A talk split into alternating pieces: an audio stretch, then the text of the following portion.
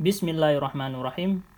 Selamat datang di Mr. All Podcast bersama saya, Kausar.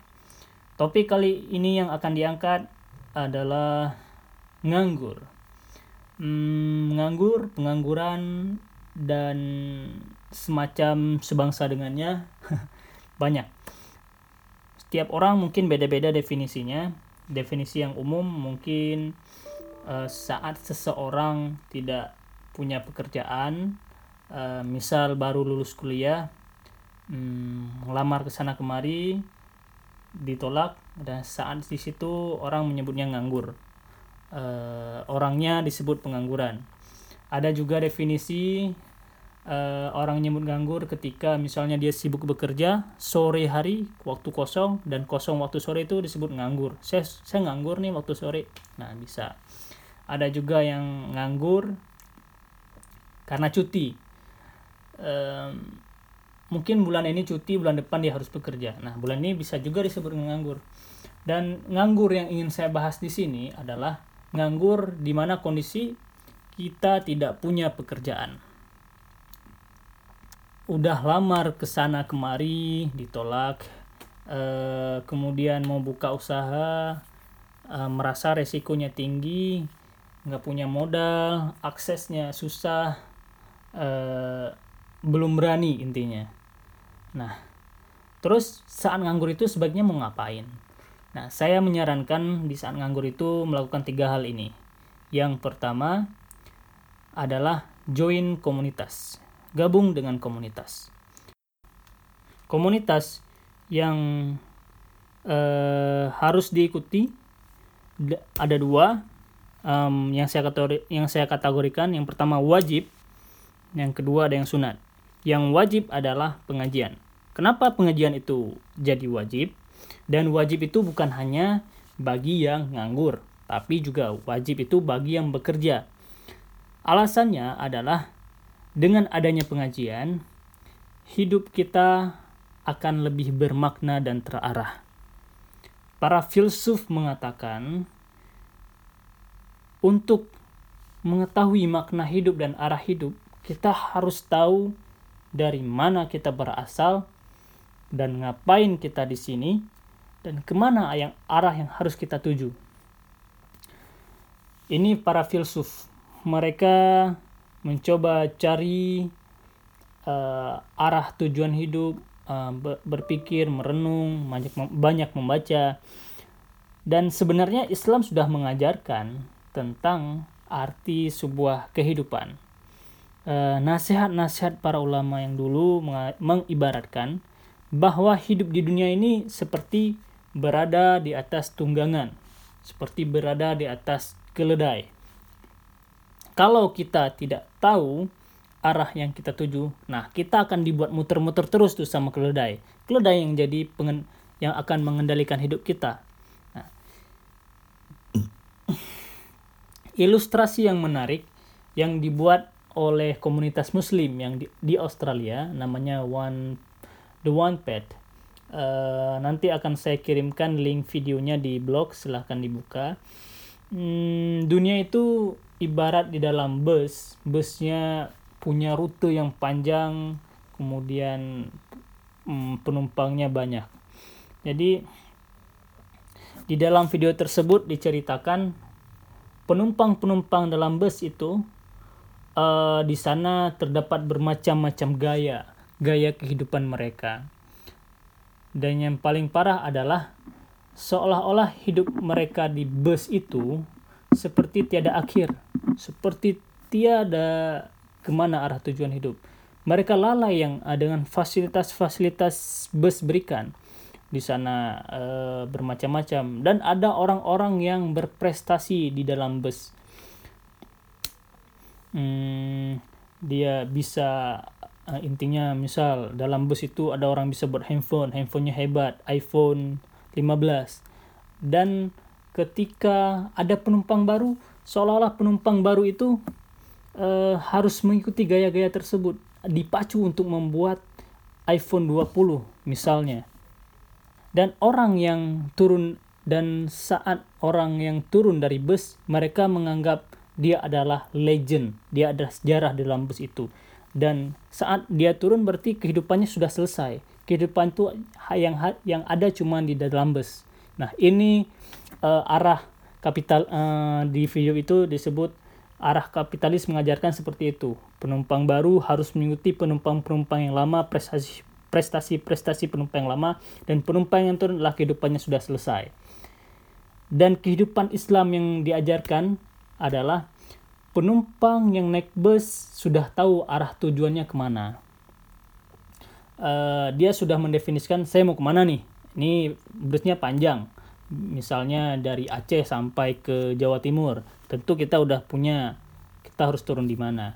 Uh, nah saat duduk di sana pasti lama nih berhari-hari kan berhari-hari uh, dan di sana banyak kehidupan saat udah dalam bus pasti banyak kehidupan banyak fasilitas dan kita jangan lupa kita punya arah tujuan hidup saat orang-orang di sana lalai dengan kehidupan mereka punya prestasi dan orang yang turun dianggap sudah meninggal kita tujuan kita bukan berada dalam bus tapi adalah turun dari bus dan menghidupi dan uh, dan turun dari bus dan kita punya kehidupan yang selanjutnya Nah, ini yang Islam ajarkan. Kita terlahir, Allah sudah uh, menitipkan kita menjadi menanyakan kehidupan kita menjadi seorang muslim.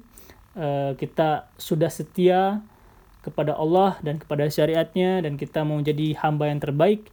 Kemudian kita sampai diutus ke dunia ibadah dalam bus di sana punya punya banyak fasilitas dan godaan. Dan itu sebenarnya cuma tunggangan.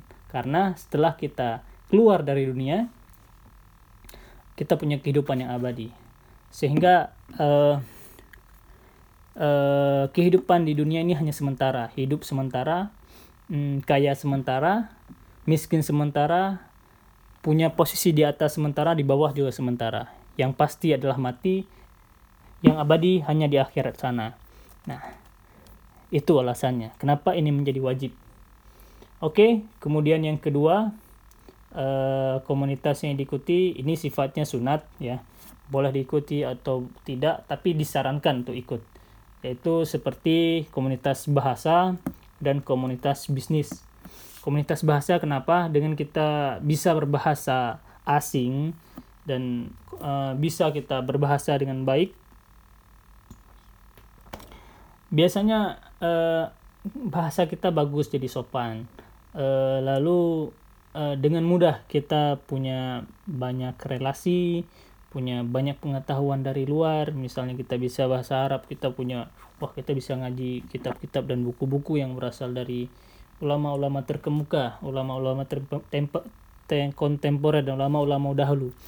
Dan uh, kita bisa berbahasa Inggris, kita bisa menyerap berbagai ilmu dan berbagai uh, insight baru yang yang bukunya luar biasa lah kemudian dengan join komunitas bisnis kita punya relasi bisnis mungkin ke depannya kita bisa membuat bisnis baru dengan relasi baru punya permodalan dan dibimbing hmm, punya mentor dan membuat karir kita menjadi lebih uh, meningkat.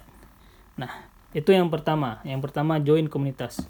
Dan yang kedua adalah uh, perbanyak bahasa perbanyak membaca, maaf, perbanyak membaca dan berdiskusi. Kenapa? Harus banyak baca. E, seperti yang dijelaskan, seperti yang disampaikan oleh Imam Ghazali, jika kamu ingin mengetahui banyak e, banyak hal, jika kamu ingin mengetahui dunia, maka membacalah. Dan jika dunia ingin mengetahuimu, maka menulislah. Nah, seperti itu. E, kemudian e, diskusi, diskusi ini jadi penting karena bisa jadi dengan satu hal yang kita tahu, tapi dengan kita berdiskusi kita punya sudut pandang yang berbeda, warna baru dan uh, sudut pandang yang baru. Uh, dan itu mahal, harganya mahal. Contoh misal kita cuman tahu bahwa uh, konf uh, apa ya bis uh, ini tentang bisnis misalnya bahwa sebuah perusahaan uh, jika kita ingin menjual barang uh, ya untung harus untung. Misalnya kita jual barang kalau mau untung ya dikasih nilai lebih dari uh, barang yang kita belikan. Uh, tetapi tidak semua seperti itu. Kenapa ada orang-orang yang uh, menjual barang tapi nggak ada untung? Nah uh, dengan kita berdiskusi kita jadi tahu oh ternyata dia uh, coba menarik pelanggannya dulu biar enak belanja sama dia. Nanti um, untungnya diambil di akan datang bisa bisa seperti itu nah jadi yang kedua adalah perbanyak membaca dan berdiskusi dan yang ketiga adalah ikuti tutorial yang bermanfaat misal seperti kita ikuti uh, tutorial bagaimana cara menulis cara menulis copywriting cara menjual sesuatu dengan tulisan uh, membuat podcast seperti saya. Ini saya buat podcast. Kemudian belajar desain. Nah, teman saya ini belajar desain uh, dilatih gratis ya, gratis pelatihannya yang dibuat oleh pemerintah Kota Banda Aceh dan sekarang udah mahir banget. Uh, apa ya nama Instagramnya ya? Pokoknya kalau kita lihat Instagramnya keren, foto-fotografinya luar biasa. Uh, dan tidak ada salahnya kita ikuti uh, apa kita ikuti pelatihan pelatihan-pelatihan meskipun itu gratis dan kalau mau yang lebih eksklusif mungkin harus bayar. Apalagi yang gratis ya. Lalu bagaimana Turin membuat konten yang bagus? Konten yang bagus kita tahu bahwa uh, dunia sekarang uh, orang banyak menatap layar kaca handphone. Dan dengan uh, kita memberikan dan menciptakan konten yang bagus hmm, orang akan senang dengan konten kita. Dan bisa jadi di situ ada pertama kita punya relasi yang baru bisa jadi itu menjadi sumber uang yang bagus buat kita nah itu aja yang ingin saya sampaikan yang pertama kalau nganggur ngapain join komunitas ya yang wajib adalah pengajian dan komunitas-komunitas yang lainnya yang kedua Eh, perbanyak membaca dan diskusi. Yang ketiga, ikuti tutorial yang bermanfaat. Sekian dari saya. Jika teman-teman ingin berdiskusi lebih, silahkan email saya di tekukausar@gmail.com atau mention saya di @kausarmuh di Twitter. Uh, terima kasih atas waktunya sudah mendengarkan. Saya ingin feedback dari teman-teman jika ada yang tidak setuju dengan apa yang saya sampaikan atau ingin menambahkan, wah saya sangat terbuka. Hmm, baik, terima kasih.